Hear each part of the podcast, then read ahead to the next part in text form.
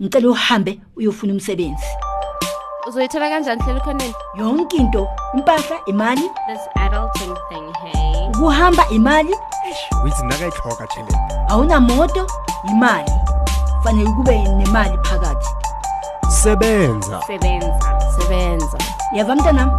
Sebenza Welcome to another episode of Sebenza Lives Behind the Hustle. How I hope you guys are really well. I'm flying a little solo today. I, mean, I am missing Dorozo, but I have an amazing guest, quite a legend actually, if I say so myself. Loyiso, how are you? Very well, man. How are you? I'm great. I'm great. I'm great. Um, now, I always say whenever I have a guest in studio, um, if if someone was born under a rock, and or they were born yesterday and they have no cooking clue who you are, how would you best describe Loyiso Mkize? Okay, so um, in a quick bite, um, I I am a visual artist specializing in portrait painting, painting in general, um, comic book illustration, graphic novel illustration. So it's twofold, um, and that is my profession. I am based in Cape Town, South Africa, born and bred in Butterworth, that is in the Eastern Cape, and I'm also the creator and illustrator I guess. Um, I think it's very hard to, to, to count your own accolades, but I'm also the creator and illustrator of Kwezi, which is South Africa's first superhero story. I think that's also quite important to note. I was about to say, quite the humble way to introduce yourself, because you, you, you, you, you've paved the way for quite a lot in terms of artists in the country. Well, yeah, um, like you said, um, it's a, a very humble way of approaching this stuff because you know you are what you create, but at the same time you can't take all the credit because you are you know um, a result of a lot of influences on yourself as, as well, artistically and otherwise. So I, I, I, tend to keep to keep it low key like that. now, tell me, how did you get into visual art? I mean, I don't imagine it's an easy conversation, or typically we, we don't experience it as an easy conversation to tell parents or guardians, hey, I'm going into to, to, to art, I'm going to be a painter, or I'm going to start uh, uh, drawing comics. How do you start the conversation? Right. I mean, like, look, um, I started. I mean, you, I guess you're born an artist, right? Um, you're born with the impulse to create something visually, sonically, or otherwise. So uh, it's something I was born with, and therefore, like, I just like presented that um, from a very young age. Must have been in kindergarten when my parents were first called into the school um, to have a look at what I've been doing outside of um, actually learning in class. Um, rather, so I was rather drawing. Luckily for me, my parents were really hot on it and almost immediately and started, um, you know, investing time and effort in my um, budding career from a very young age. Um, I was exposed to art, you know, um, art festivals. I was exposed to books that would teach me about this profession and where it would take me potentially. So I had a choice. So I had an opportunity to choose the art forms that grabbed me the most. And I mean, my first love was comic books. And you can imagine, I mean, as a seven-year-old, six-year-old, the first thing that really entertained me and really captured my imagination were cartoons and comic books. So, but living in Butterworth, the, the, the, the extent to which I could be immersed in those worlds was very limited. They did, uh, however, my, you know, my parents, in an effort to, to put me out there, um, fast forward a couple of years, um, just being an artist that draws in class, draws at home, always drawing rather than playing with friends, etc. Um, fast forward to 2006, moving to Cape Town and studying graphic design at Cape Peninsula University of, University of Technology. Um, I immediately could tell that being in a bigger city meant bigger opportunities for me and just bigger exposure to what I could possibly become. So my second year, I went out and, um, from a friend's advice, of course, um, and checked out Supa Strikas, having not known that they had their um, their, their, headquarters in Cape Town. Um, I then approached them um, with my stuff, my stockpile of artworks, you know, dating back at least five years. So I had a lot to show. Um, so immediately I got a job as an illustrator um, for Supa Strikas during my second year and onwards. Um, I went on to be head illustrator for Supa Strikas, and you know, um, again, let's fast forward to 2010 when I started my painting career, which also came as a, you know, as the impulse to say, okay, I've got a day job and my nine to five is doing what I've always loved, which is creating comics. But what I didn't maybe foresee was the fact that my mind had expanded so much into what el- whatever stuff I actually wanted to do as well, which was painting. I remember because my dad is quite a my dad is quite a, a classical man. You know, um, he's a big reader, big intellectual, and so obviously the fine arts were typically going to trickle down into my sensibilities.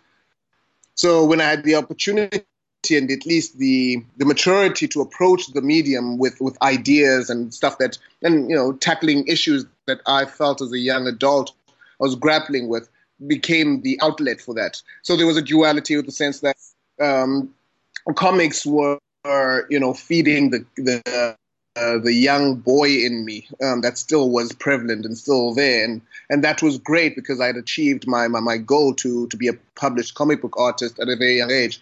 But the opportunity now presented itself that all right, well, I can paint. I'm pre. I'm not too bad. Um, and then um, you know after a couple of pieces, trying, trying, approaching galleries, um, I then started really establishing my, my, my name around 20, 2011 going forward um, with just painting. And the, I mean, like, obviously, like I think the encapsulation of all this is um, now when I look back at it in retrospect, um, the the commonalities was always that I've always wanted to retain or express a certain African aesthetic and African identity within my art. Um, and that's a sentiment that just grew as I grew. Um, and I felt that it was very important. So just to sort of to catalog my whole experience, it's always been a very diverse, multi, um, multidisciplinary type of artistic expression, but with a with with with one ideal um, that sort of centered everything and, and held it all together. Do you feel with, with, with the issues you tackle through your art, and, and please do detail um, if you would like, um, do you feel that the issues you tackle do reach the audiences you'd like them to reach? I mean, you came from Butterworth, and there was a problem at the time when you were growing up with, with in, in terms of uh, exposure of art. Um, is this changing, do you feel, and is, it, is, is your art reaching the audiences it needs to reach? Well, um, look, um, the answer is a very simple yes. Um, but at the same time, I, I, say it, I say it um, with caution. Um, the reason why I do say yes is that we live in the internet of time, right? In, in internet of times right now, right? So the access to information and what you can do with that information has become so much more frequent. Uh, we're, we're, we're constantly sharing information every single day, every single second. So the the the reach from a very from very early in my career was exponential because of that of, of, of this technology that we enjoy now. We're in Skype, right? So it meant that yes, uh, I live in the right time to express my ideas and also have it shared, you know, amongst thousands, thousands, and thousands, um, if not millions. So I think um, I just landed on a very lucky time where being from Butterworth has no bearing or, over um, how far or reach my artwork has, you know, can go. It's just a matter of how relevant I suppose the art is, or, or to the time, to the sensibilities of people during that time. And you know, um, for the most part, luckily for me, I was um, I always seemed to be able to manage um, the, the, the the public discourse and my own personal um, you know you know idea over whatever issues we, we collectively experience. Not that my art always um, spoke to, to contemporary issues. Um, for the most part, um, my art also invokes an idea of the future, or at least like a, an ambition towards the future, particularly for Africans. So there, there's that aspect as well. Now, I want to jump into Kwezi. Um, quite the collaboration, actually, in how it was created. Uh, share with a few people, maybe who might not be familiar with how it came to be birthed. So Kwezi um, was definitely a collaborative ish, you know, um, effort. Um, it may have not been the case in the beginning because, you know, like 2013 was a time when I, I was again still working as head illustrator for Supa Strikas, but I felt like number one, I, I didn't have a title of my own that I could claim as part of South Africa's roster of entertain, uh, entertainment and also reading material. And round about the same time, perhaps even in you know, um, perhaps, even earlier into my teens, I'd always wondered reading Superman and Spider Man, um, etc., right, um, and all of the comic books from the West was always, you know, well, when are we having our own comic books or our own superhero comic books in this context? And the, the you know, the, the, the, the, the question always came unanswered. It seemed no one felt the need or, or, or felt like um, South Africans could have their own superheroes. I don't want to make any speculations, but for some odd reason, we hadn't had any reading material, a superhero story superhero genre story in comic books or otherwise that actually worked and that was actually there. So I took it. I mean, I was lucky. Um, again, it's a timing thing in the sense that I'd been working now for a couple of years for Supa Strikas as head illustrator. So the understanding of the business of comics in South Africa and how they work and how what works and what doesn't work gave me a framework of how to approach this problem because it is a creative problem, right? How do you present a South African superhero.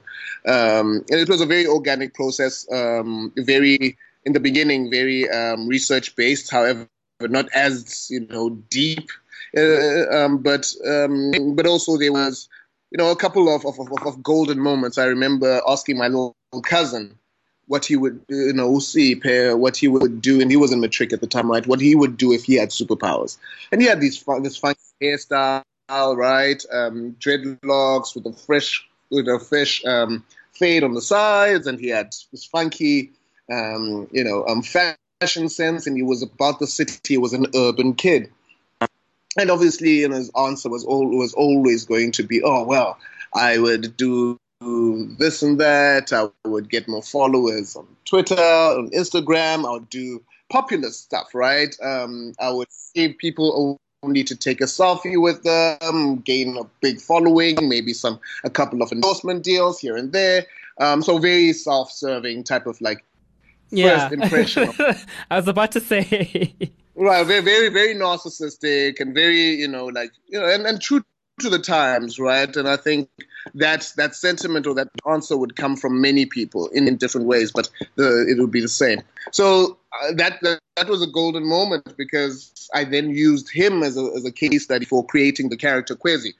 Um, you'll notice that the character himself has got a fresh fade with dreads on top, um, and he's you know he's a bit loose and a bit cool and a bit you know like this and that, very narcissistic in the first um, episodes of the story. So so that was the point of departure. However, as the story progressed, or as the idea I'm started to manifest, um, I realized, oh man, this is an opportunity to actually create South Africa's first superhero for real now.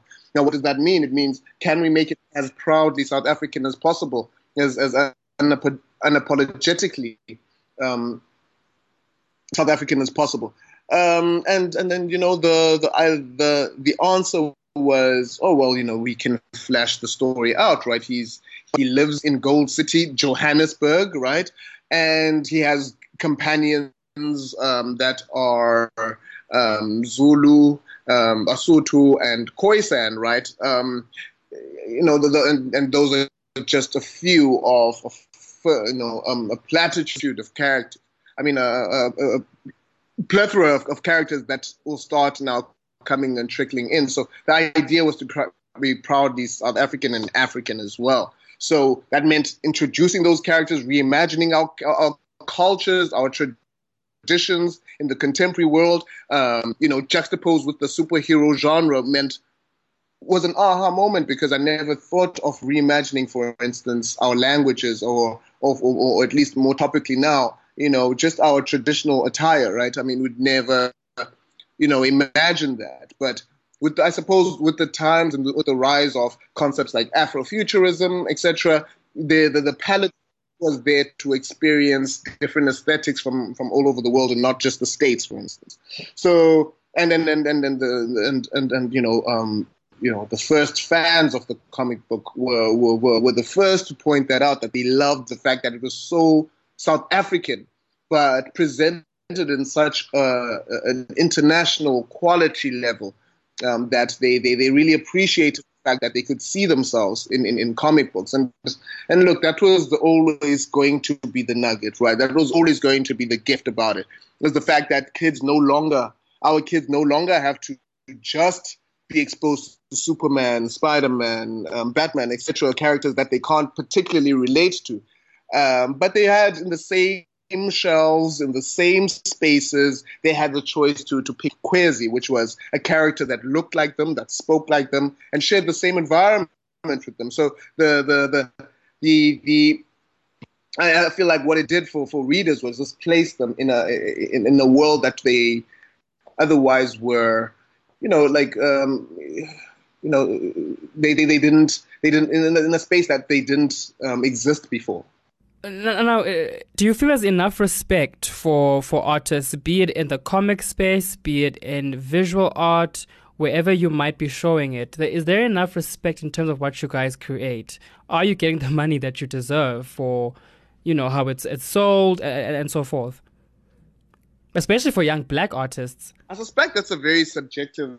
Um, I mean, this the, the answer is always bound to be subjective. It depends what you how you regard your own you know your own practice. Um, it, it, it, depends on, on, on how prolific an artist you are. You see, it's, it's, a, it's a very it, it's, it's, it's not so well defined what the artist's career can potentially yield for the artist. There's a lot that's depending on that. There's a lot, and artists are very varied in their drives, in, in, in where they come from, and what their ambitions are. So it's it's it's not so much um, a matter of um, are they you know celebrated or recognized. I think those who who push to be recognized, who push to have their voices heard, who push to have. I mean, we have artists, um, contemporaries that are doing exceptionally world. Uh, exceptionally well the world over, like your Nelson Makamo, your William Kentridge. These are artists, and their profession is art, you know, artistry, right? Visual art. So um, I, I, tend to lean towards um, you know figures like that for inspiration, etc. Because I, I've, I mean, like my, my my whole thing was that I'm never, I don't ever want to do anything else than what what I do, you know, um, and that was instilled in me from a very young age by by by, by my mother and my father, right? So it's it's it's it's its placement. Therefore because of those because of those decisions very inward subjective decisions that you you you you you you charter your own path towards your own success right? So you can still be an artist that can be super successful or you can be an artist that you know um, gets by can can can can you know can take care of themselves etc it's it, it's very it's decisions based decision based on a person level. There is there is an industry that is bustling right now. The the patronage of art in South Africa has not only now been you know uh, belonged to um, a minority like it may have like um, two decades ago or three decades ago, but now where you find in, in, a, in, a, in a relatively free country, there is the patronage has grown that much more. And you know, luckily for us, we live in a time where you know black people can not not only do they make art, but they also buy art. So there's a huge collection of people that um, exists in South Africa, in the continent, in the diaspora that um, that, that, that, that, that see the art that, for instance, I create and find, you know, um, if, if, if find a, a, relative or, or uh, extreme, you know, um, you know, bond with this work that I do, and it's very sentimental sometimes. So, does this affect my career? Yes, it means that I'm exposed uh, to, to, to, to a bigger audience, and and the patronage as well. It means that more people are ready and willing and, and love my work enough to buy it. Because there's also that. People may like your work, but does not mean that they're going to necessarily buy it. So that's why it's, it's very important that we, we, we, we, we detail what the artist's career path looks like um, and not say, for instance, say, I'm, I'm an artist, therefore um, I'm bound to be poor, or I'm an artist, therefore um, you better buy my art. You know, there's there's there's a there's a dialogue that you have with people that you're making this art for that that that that exists underneath that membrane. And if if your work resonates enough and catches wind enough, then you'll be successful. Then then then you'll move up the ranks, and then you'll be able to not only be self sufficient but also have you know in state of, of values a value create a value system around your work and and the industry as a whole. Now, where can um, um, um, um, anyone who's listening actually view some of your pieces, other than uh, a copy of Kwezi? Uh, where can one get themselves some good old Loyiso's work? Okay, so as far as my paintings are concerned, um, I suppose because I'm based in Cape Town, um, my artwork is constantly at a, on exhibition at Eclectica Contemporary, that's in Cape Town. Um, However, I do also have artworks, um, you know, in Johannesburg at the Melrose Gallery, Melrose Art.